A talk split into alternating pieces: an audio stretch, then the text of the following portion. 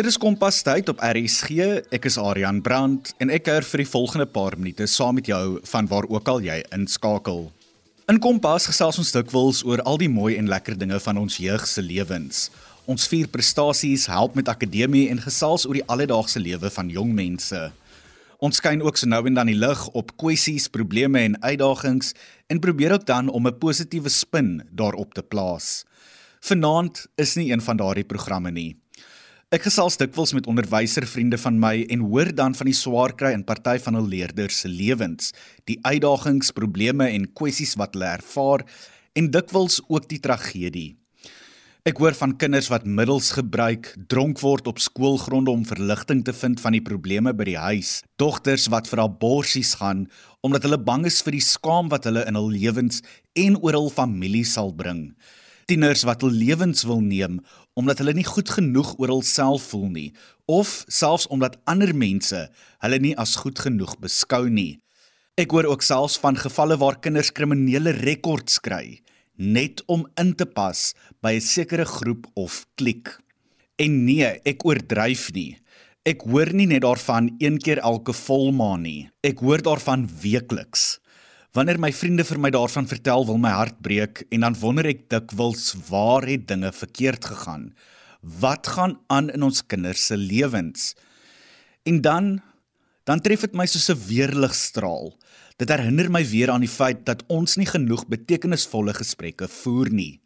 Ouers weet nie meer wat in kinders se lewens aangaan nie omdat hulle nie met hul kinders praat nie. Ons vra nie vir ons kinders wat oukei okay of alright beteken wanneer dit die antwoord op die vraag is hoe was jou dag nie. Onderwysers let dikwels op dat daar 'n verandering in 'n leerder se gedrag is, maar het nie altyd die tyd om uit te vra oor wat aangaan nie, want daar is veel meer belangriker dinge om te doen, soos om die kurrikulum af te jaag, hersiening te doen en leerders gereed te kry vir die eksamens. Iewers het ons as ouers, onderwysers en die breër samelewing droog gemaak en sig verloor van die einddoelwit om daar te wees vir ons kinders, om hulle op te voed en te beskerm. En as ek sê opvoed en beskerm, bedoel ek nie net met akademiese kwalifikasie en fisies beskerm nie. Ek bedoel ook emosioneel en geestelik. Nou ek is wel bewus van die feit dat ouers en onderwysers slegs soveel kan doen. As kinders nie gaan praat oor wat aangaan, die probleme en uitdagings waarmee hulle gekonfronteer word nie, kan ons nie help nie. En ek stem volkome daarmee saam. Om die waarheid te sê, ek het so 'n maand gelede hierdie onderwerp met 'n paar jong mense probeer bespreek. My vrae aan hulle was baie open-ended geweest, soos hulle in Engels sal sê, wat beteken dat dit 'n ideale tyd was om oop en eerlik te wees, om 'n eerlike dialoog te voer oor wat hulle pla. Hulle het selfs die geleentheid gehad om anoniem te bly indien die probleme, uitdagings of kwessies te veel van 'n aangeleentheid vir hulle is en hulle eerder nie geïdentifiseer sou wou word nie.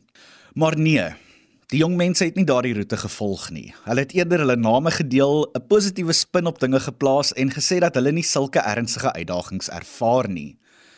So wat is die probleme wat ons jeug ervaar? Waarmee worstel hulle? As hulle nie daaroor wil praat nie, wie weet dan nou eintlik wat pla? Onderwysers by die skool hoor hier en daar gerugte, fluisters in die gange en selfs op die speelgronde. Hulle sien dat 'n kind teruggetrokke en stil word of dat hulle gedrag selfs soms verander. En indien dit 'n onderwyser is wat wel die moeite doen om uit te vra en omgee, kry hulle dalk 'n antwoord op die vraag. Ek het besluit om ondersoek in te stel, vrae te vra, want as die jeug nie wil praat nie, is ek seker daarvan dat daar dalk 'n paar onderwysers is wat sal. Karen van Graan is 'n onderwyser van Kuilsrivier, terwyl Andre Lou en Jorina Oret twee vakadviseurs van die Wes-Kaapse Onderwysdepartement is. Hulle sien en hoor op 'n daaglikse basis wat dit is waarmee ons jong mense worstel en deel dit nou met ons. My naam is Jorina Oret. Ek is tans verbonde aan die Offenberg Onderwysdistrik waar ek die vak adviseer is vir geskiedenis in skole. Ek bedien skole van die Offenberg en my area strek vanaf Berrydale, Bredasdorp, Hermanus, Gansbaai, Villiersdorp, Caledon skole, Genadendal skole as ook Grabouw skole uitdagings waarmee ons jeug daagliks gekonfronteer word is onder andere die volgende groepsdruk, depressie, afknouery in skole, geweld in ons gemeenskap en skole, druk om te presteer, nie net akademies nie, maar ook op die sportveld, swak selfbeeld en tiener swangerskappe. My naam is Andre Lou. Ek is die geskiedenisvakadviseur vir grade 8 tot 12 in die Kaapse Wynland distrik, gestasioneer Woester, die Wes-Kaap provinsie. My bedieningsarea strek oor die hele Kaapse Wynland wat skole in dorpe soos Stellenbosch, Parel Wellington, Woester, Robertson en so voorts insluit. Uitdagings soos depressie het 'n geweldige invloed op jong mense. Daardie oënskynlike afwesigheid van onmiddellike sukses op skool, in sport of ander vaardighede, alleenheid om sonder vriende of maats te wees en so voorts kan lei tot gevoelens van terneergedruktheid by jong mense wat moeilik is om te hanteer. Verder ook die betrokkenheid by seksuele aktiwiteite, die druk wat op jong mense geplaas word om deel te wees van hierdie sekskultuur is oorweldigend. Om nie te sê is beslis moeilik, maar ook moontlik. Maar beide is uitdagings wat die moderne jeug op 'n gereelde basis beval en soms oorval. Dan het jy substansgebruik soos dwelms en alkohol om die van selfsprekende redes. Ander uitdagings soos akademiese probleme, jou skoolwerk en jou studies is nie iets wat vir almal 'n gemaklike ervaring is nie. Die verwagting dat jy altyd moet presteer en nie faal nie, word soms baie erg wat uitdagend is vir jong mense. Dan het jy groepsdruk, daardie behoefte om te behoort aan 'n groep of aan iemand laat jong mense net eenvoudig ingee vir die verwagtinge van hulle maats wat nie noodwendig goed is vir hulle nie. En dan natuurlik sosiale media. Omdat die behoefte na erkenning en behoort aan op sosiale media so groot onder jeugdiges is, is plasings van positiewe aanvaarbare boodskappe 'n en die verwagting. Indien dit egter van negatiewe aard is, kwes dit die jong mens met partykeer hartseer gevolge. Goeienaand luisteraars, my naam is Karen van Graan. Um, ek is 'n onderwyseres by Hoërskool Stellenberg in die Wes-Kaap. Ek is gebore op Vredendal, maar bly al vir 'n geruime aantal jare in die Wes-Kaap en huidigelik in Kuilsrivier. Ek is tans in my 33ste jaar in die onderwys en ek het gestudeer aan die Universiteit van Stellenbosch. Ek is regtig baie lief vir wat ek doen en daarom is dit vir my belangrik dat ek self 'n lewenslange leerder moet wees om my ook op te skerp met al die nuwe dinge wat in die onderwys gebeur. Sjoe, die vraag ehm um, watter uitdagings ervaar die jeug vandag is nogal 'n lywige ehm um, vraag. Ehm um, ek sal sê 'n paar dinge wat ek aan kan dink is definitief sosiale media. Kommunikasie gaan vir my hand aan hand met sosiale media. Groepsdruk, groot probleem vir party kinders, akademiese probleme. Ehm um, 'n nog 'n uitdaging is ekonomiese probleme. Depressie en boelie is definitief 'n groot uitdaging wat ons kinders vandag in die gesig staar. Ek voel al hierdie goed wat ek nou genoem het beïnvloed die jeug se emosionele ehm um, en fisiese gesondheid.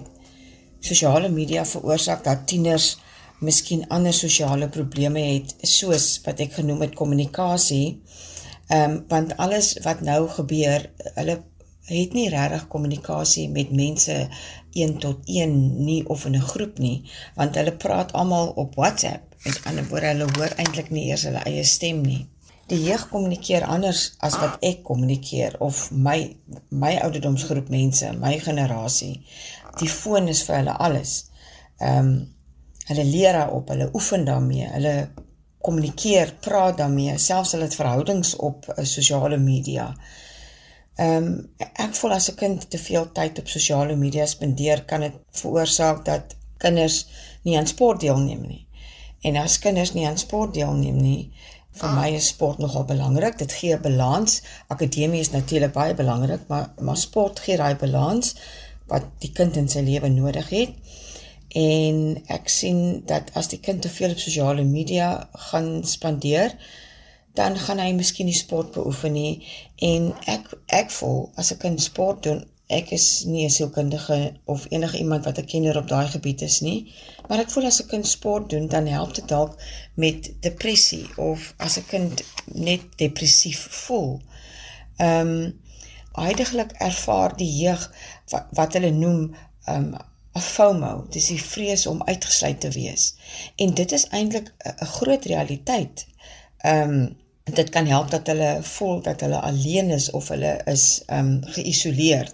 Ekonomiese probleme is is ook um nogal vir my 'n probleem wat die kind miskien nie kan vir help nie, maar ehm um, jy weet die uitdrukking van to keep up with the Joneses. So as jou ma en pa nie genoeg geld het nie, dit speel 'n rol.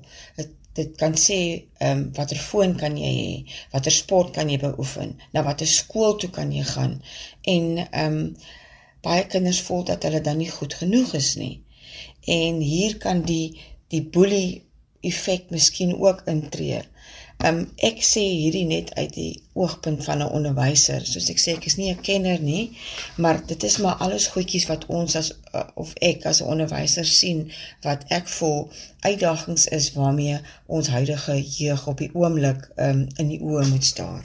Baie van hierdie probleme is skokkend om van te hoor, maar tog hoor ons gereeld gerugte daarvan in die gemeenskap.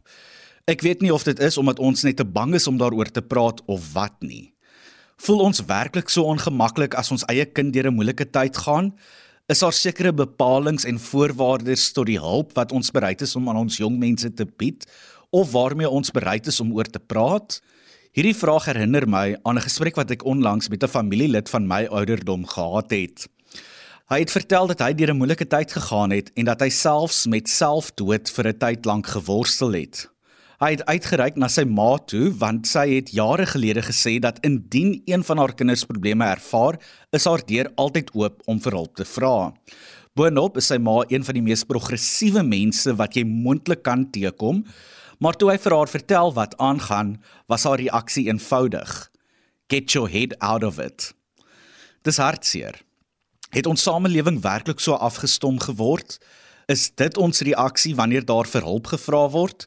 Dit is dan seker geen wonder dat ons jong mense nie vir hulp wil vra nie en dat hulle eerder verkies om in die agtergrond uit te dof. Vanaand in die program skyn ons die kollig op die probleme, kwessies en uitdagings wat ons jong mense ervaar en my gaste in die program is almal onderwysers en vakadviseurs van die Wes-Kaapse Onderwysdepartement. Vir die breek het ek vertel van 'n geval in my eie familie waar iemand uitgereik het om hulp, maar waar die antwoord toe daarop die ekwivalent van 'n klap in die gesig was. Ek is 'n voorstander daarvan dat daar altyd hulp beskikbaar is vir die wat vra. Ons jeug het toegang tot 'n reeks hulpbronne by die skool, in die gemeenskap en in die breër samelewing. Die probleem is egter dat ons jong mense nie altyd ingelig is oor hierdie hulp nie. En die hartseerste deel is dat hierdie hulp in sekere gevalle selfs gratis aan hulle beskikbaar is. Ek wil nou 'n beroep doen by ons jong mense. As jy hulp benodig, vra daarvoor. Indien jy nie met iemand in jou onmiddellike sirkel wil praat nie, gaan praat ten minste met iemand anders en maak ook seker dat wanneer jy met iemand oor jou probleme praat, dat dit iemand is wat jy vertrou. Jurina, Andrei en Karen, my gaste vir vanaand, vertel nou van die hulp wat wel beskikbaar is aan jong mense. Hulp is beskikbaar om ons jeug te help wanneer hulle gekonfronteer word deur probleme. Dis belangrik dat ons bedag moet wees op vroegtydige tekens dat ons jong mense een of ander probleem het. Van hierdie tekens is onder andere veranderde slaappatrone, veranderde eetgewoontes, skielike verandering in akademiese prestasies of selfs al hoe meer en meer afsondering. Dit is belangrik dat jong mense vaardighede moet bekom om hierdie uitdagings te hanteer. Spesiale programme is beskikbaar om leerders te help met die hantering van hierdie uitdagings skoolsielkundiges is beskikbaar en spesiale werkers werkswinkels word aangebied om nie net ouers te bemagtig nie, maar ook ons jong mense. Die belangrikheid van lewensoriëntering as 'n vak in skole is net so belangrik waar leerders geleer word hoe om hierdie moeilike situasies te hanteer. Sielkundige, maatskaplike dienste en so voort word aan leerders op skool en deur die onderwysdepartement gebied. Kwesbare leerders word deur die skool geïdentifiseer en op 'n ondersteuningsprogram geplaas. Ondersteuning word van distrikvlak deur die gespesialiseerde leerderondersteuningsdienste hanteer. Die dienste word op 'n uiters professionele en vertroulike wyse bestuur. Jeugdiges kan dus gerus die betrokke opvoeders by hul skool vir hulp nader. Ehm um, ek sal sê baie jeugdiges ehm um, voel dat ons verstaan hulle nie en dit is belangrik dat ons hulle gevoelens en gedagtes moet erken.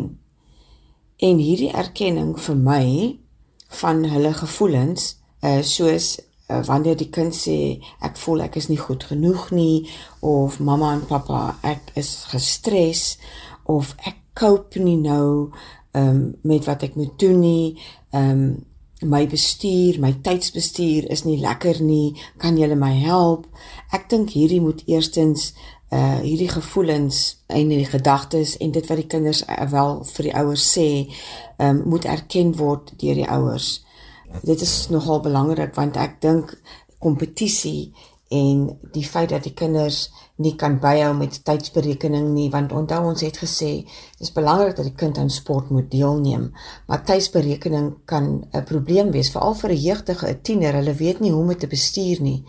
En ek dink as die kind dan wel die probleem geuiter het en gesê het moet die ouers intree. Dit is vir my definitief dat die ouers is die eerste persone wat hierdie gevoelens moet erken. Dis dis dat dit waar is dat dit regtig is en dat die kind 'n probleem het ons moet die probleme vroegtydig identifiseer en en die ouers moet dan daarmee help. Ons as onderwysers uh, let dit ook op. Ek let ook op dat daar's oudjies wat stiller word in die klas.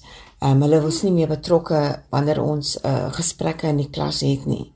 Ehm um, hulle voel dat hulle is onderdruk want hulle wil beter uh, presteer dis 'n realiteit wat hulle in die gesig staar. Onthou ons almal praat van ehm um, jy moet die minimum vereistes bereik vir universiteit en die minimum vereistes sê maar 65% en daar's soveel mense en kinders wat wel 65 kry. So die minimum is nie meer goed genoeg nie en ek dink ons sit wel druk op die die jeug om dan te presteer en dan kom hulle net nie daar uit nie. Ehm um, Ek dink ouers moet met hulle kinders praat. So as die kind wel gesê het ek stres, my tydsberekening is nie goed nie, dan maak die kind wel die deur oop. Ehm um, as daar 'n probleem is van die kind is te veel op sy foon, dink ek die ouer moet dit raak sien en die ehm um, 'n oplossing sal wees te sê goed, van nou af sê maar 'n sekere tyd jy doen huiswerk, die foon lê op die kombuistoonbank. Ehm um, jy mag hom nie kry nie uh, wanneer trek jou aandag af. Ek dink ouers moet nog steeds intree en daai dissipline moet gehandhaaf word. Nee, die foon trek jou aandag af. Jy gaan hom nie nou hê nie. Jy gaan eers nou huiswerk doen. Kom ons werk saam aan 'n rooster. Onthou, ons het besluit ons gaan naby hou. Ek dink as daar sulke boundaries ehm um, dan wel ingestel is, dan moet ons die kind vertrou, ons moet aanvaar die kind gaan naby bly, ons moet dit respekteer en ons moet aanhou om te kommunikeer. Indien daar meer ernstige probleme is waarmee jy voel jy jou kind kan help nie, maar jy kan sien hy stiller, sy of hy hy word maarder, ehm um, teruggetrokke, sit die hele tyd in die kamer. Ek dink dan moet 'n mens begin om professionele hulp te soek. En ek dink in vandag se tyd moet die ouer innoverend wees en maniere vind hoe om met sy kind te kommunikeer. Ehm um, uitdink van dingetjies wat ons kan doen, weer saam doen. Iets wat baie simpel miskien sal klink, is maar dit is belangrik as 'n familie voel ek rondom 'n tafel sit en aandete het en nie almal ehm um, party in hulle kamer of party voor die televisie nie. Ek dink is nogal belangrik dat ons daar sal sit en die dag se se gebeure met mekaar bespreek en dit sal ook weer help dat 'n mens kommunikasie kan terugbring, die een tot een en die groep kommunikasie. Soos ons nou gehoor het, is daar verskeie hulp aan jong mense beskikbaar. Ons moet net die eerste tree neem om vir hulp te vra. En ek weet dit is waar die probleem dikwels lê, om vir hulp te vra. Ons voel soms dat wanneer ons vir hulp vra, ons ander mense gaan opsaal met ons probleme of dat ons swak is, maar is dit nie net verskonings om aan te sukkel en die probleem te vererger nie? Is dit nie net verskonings om die probleme wat ons ervaar te ignoreer nie? Ek het die volgende vraag aan my gaste gestel. Waarom sou jy sê is dit belangrik vir jong mense om vir hulp te vra wanneer hulle dit benodig? En hoe sal jy hulle aanmoedig om vir hulp te vra? Nou ek weet dit is 'n simpel vraag, maar tog is dit 'n belangrike een. Jong mense moet aangemoedig word om hulp te vra. Om hulp te vra is nie noodwendig 'n teken van swakheid nie. Inteendeel, dit is eintlik presies die teenoorgestelde. Dit is 'n bewys van die aanvaarding van hulle verantwoordelikhede en die wil om 'n oplossing te vind. Deur hulp te kan vra, kan hulle nuwe idees bekom en kan hulle nuwe perspektiewe vorm. Ouers, onderwysers en voogte het 'n verantwoordelikheid om die jeug by te staan in hulle pad na volwassenheid en met die neem van ingeligte besluite. Ons as volwassenes moet tyd maak om te luister en om te praat met jong mense oor wat belangrik is, al is dit soms 'n moeilike gesprek. Dit is van kardinale belang dat jong mense altyd om hulp vra. Jong mense glo soms dat hul persoonlike probleme uniek aan hulle is en dat niemand anders dieselfde deurgaan of dat ander mense nie sal help of bloot net nie belangstel nie. Ook gevoelens van skaamheid kan ook redes wees waarom jeugdiges nie uitreik na die sigbare en tasbare hulp rondom hulle nie. Hoe sal ek hulle aanmoedig? Ek vertel hulle dat dit oukei okay is om vir hulp te vra. Laat hulle weet dat om hulp te vra 'n teken van sterkte en nie swakheid is nie om hulle te laat besef dat almal soms hulp nodig het en hulle leer hoe om om hulp te vra. Soms wat help is om my eie kwesbaarhede met hulle te deel om hulle te laat besef dat ek ook as jong mens omstandighede gehad het. En dan baie belangrik, luister aktief en effektief na wat hulle te sê het. Ehm um, ek dink dit is beslis belangrik vir die jeug om vrae te vra. Ehm um, veral miskien iemand ouer as hulle want daardie persoon was miskien al in dieselfde posisie, het dieselfde vrae gehad as wat hulle nou het, uh dieselfde ambisies. Daardie persoon kan dalk help dat die ehm um, persoon ehm um, vinniger by die einddoel uitkom want die persoon het meer vrae, uh, die ouer persoon het reeds al foute gemaak sodat hulle kan die foute uitwys aan die jeug en sê moenie daai doen nie, doen liewer hierdie. Uh dit is 'n korter pad. Ek het al my kop gestamp. Ek wil nie graag hê jy moet joune stamp nie. Um en dan dink ek is ook belangrik dat die jeug moet besef dat hulle moet die regte persoon vra So met ander woorde iemand wat jy vertrou en iemand na wie jy kan opkyk. Die antwoord is eenvoudig. As jy nie vir hulp gaan vra nie, kan jy nie gehelp word nie. Ek weet dit is moeilik om ons trots te sluk en uit te reik, maar ons moet die eerste tree neem. Ons moet praat en ons moet uitreik. Om jou probleme te ignoreer gaan nie die saak of jou omstandighede verbeter nie. Inteendeel, dit gaan dit net vererger. Voordat ek vanaand groet, wil ek 'n beroep by jou maak en 'n pleidooi by jou lewer. En dit maak nie saak of jy 'n ouer, onderwyser, leerder of net 'n bystander in die gemeenskap is nie. As jy sien iemand sukkel, as jy sien iemand worstel met probleme, reik uit, praat met hulle en neem die eerste tree. Dit is tyd dat ons ons menslikheid en liefde vir ons medemens weer moet terugkry. Dit het tyd geword dat ons as 'n samelewing betekenisvolle gesprekke met mekaar moet begin voer. As iemand sê ek is okay, of my dag was okay, moet ons begin vra, maar wat beteken? Okay? Want okay is net okay tot op 'n sekere punt en okay kan baie dinge beteken. Maak tyd om die TV en die radio soms af te skakel, die selfone weg te sit en om 'n tafel te sit en te gesels oor wat in ons lewens aangaan. Dit het tyd geword dat ons die tyd en moeite maak om met mekaar te gesels, nie te oordeel nie en hulp te bied waar ons kan. Want jy sien, as ons dit nie vandag doen nie, gaan dit dalk eendag te laat wees. En dit is waarmee ek jou vanaand los. Matleen Ooshuizen kuier môre aand weer saam met jou en ek sien jou weer volgende Woensdag. Tot dan, onthou om met mekaar te praat.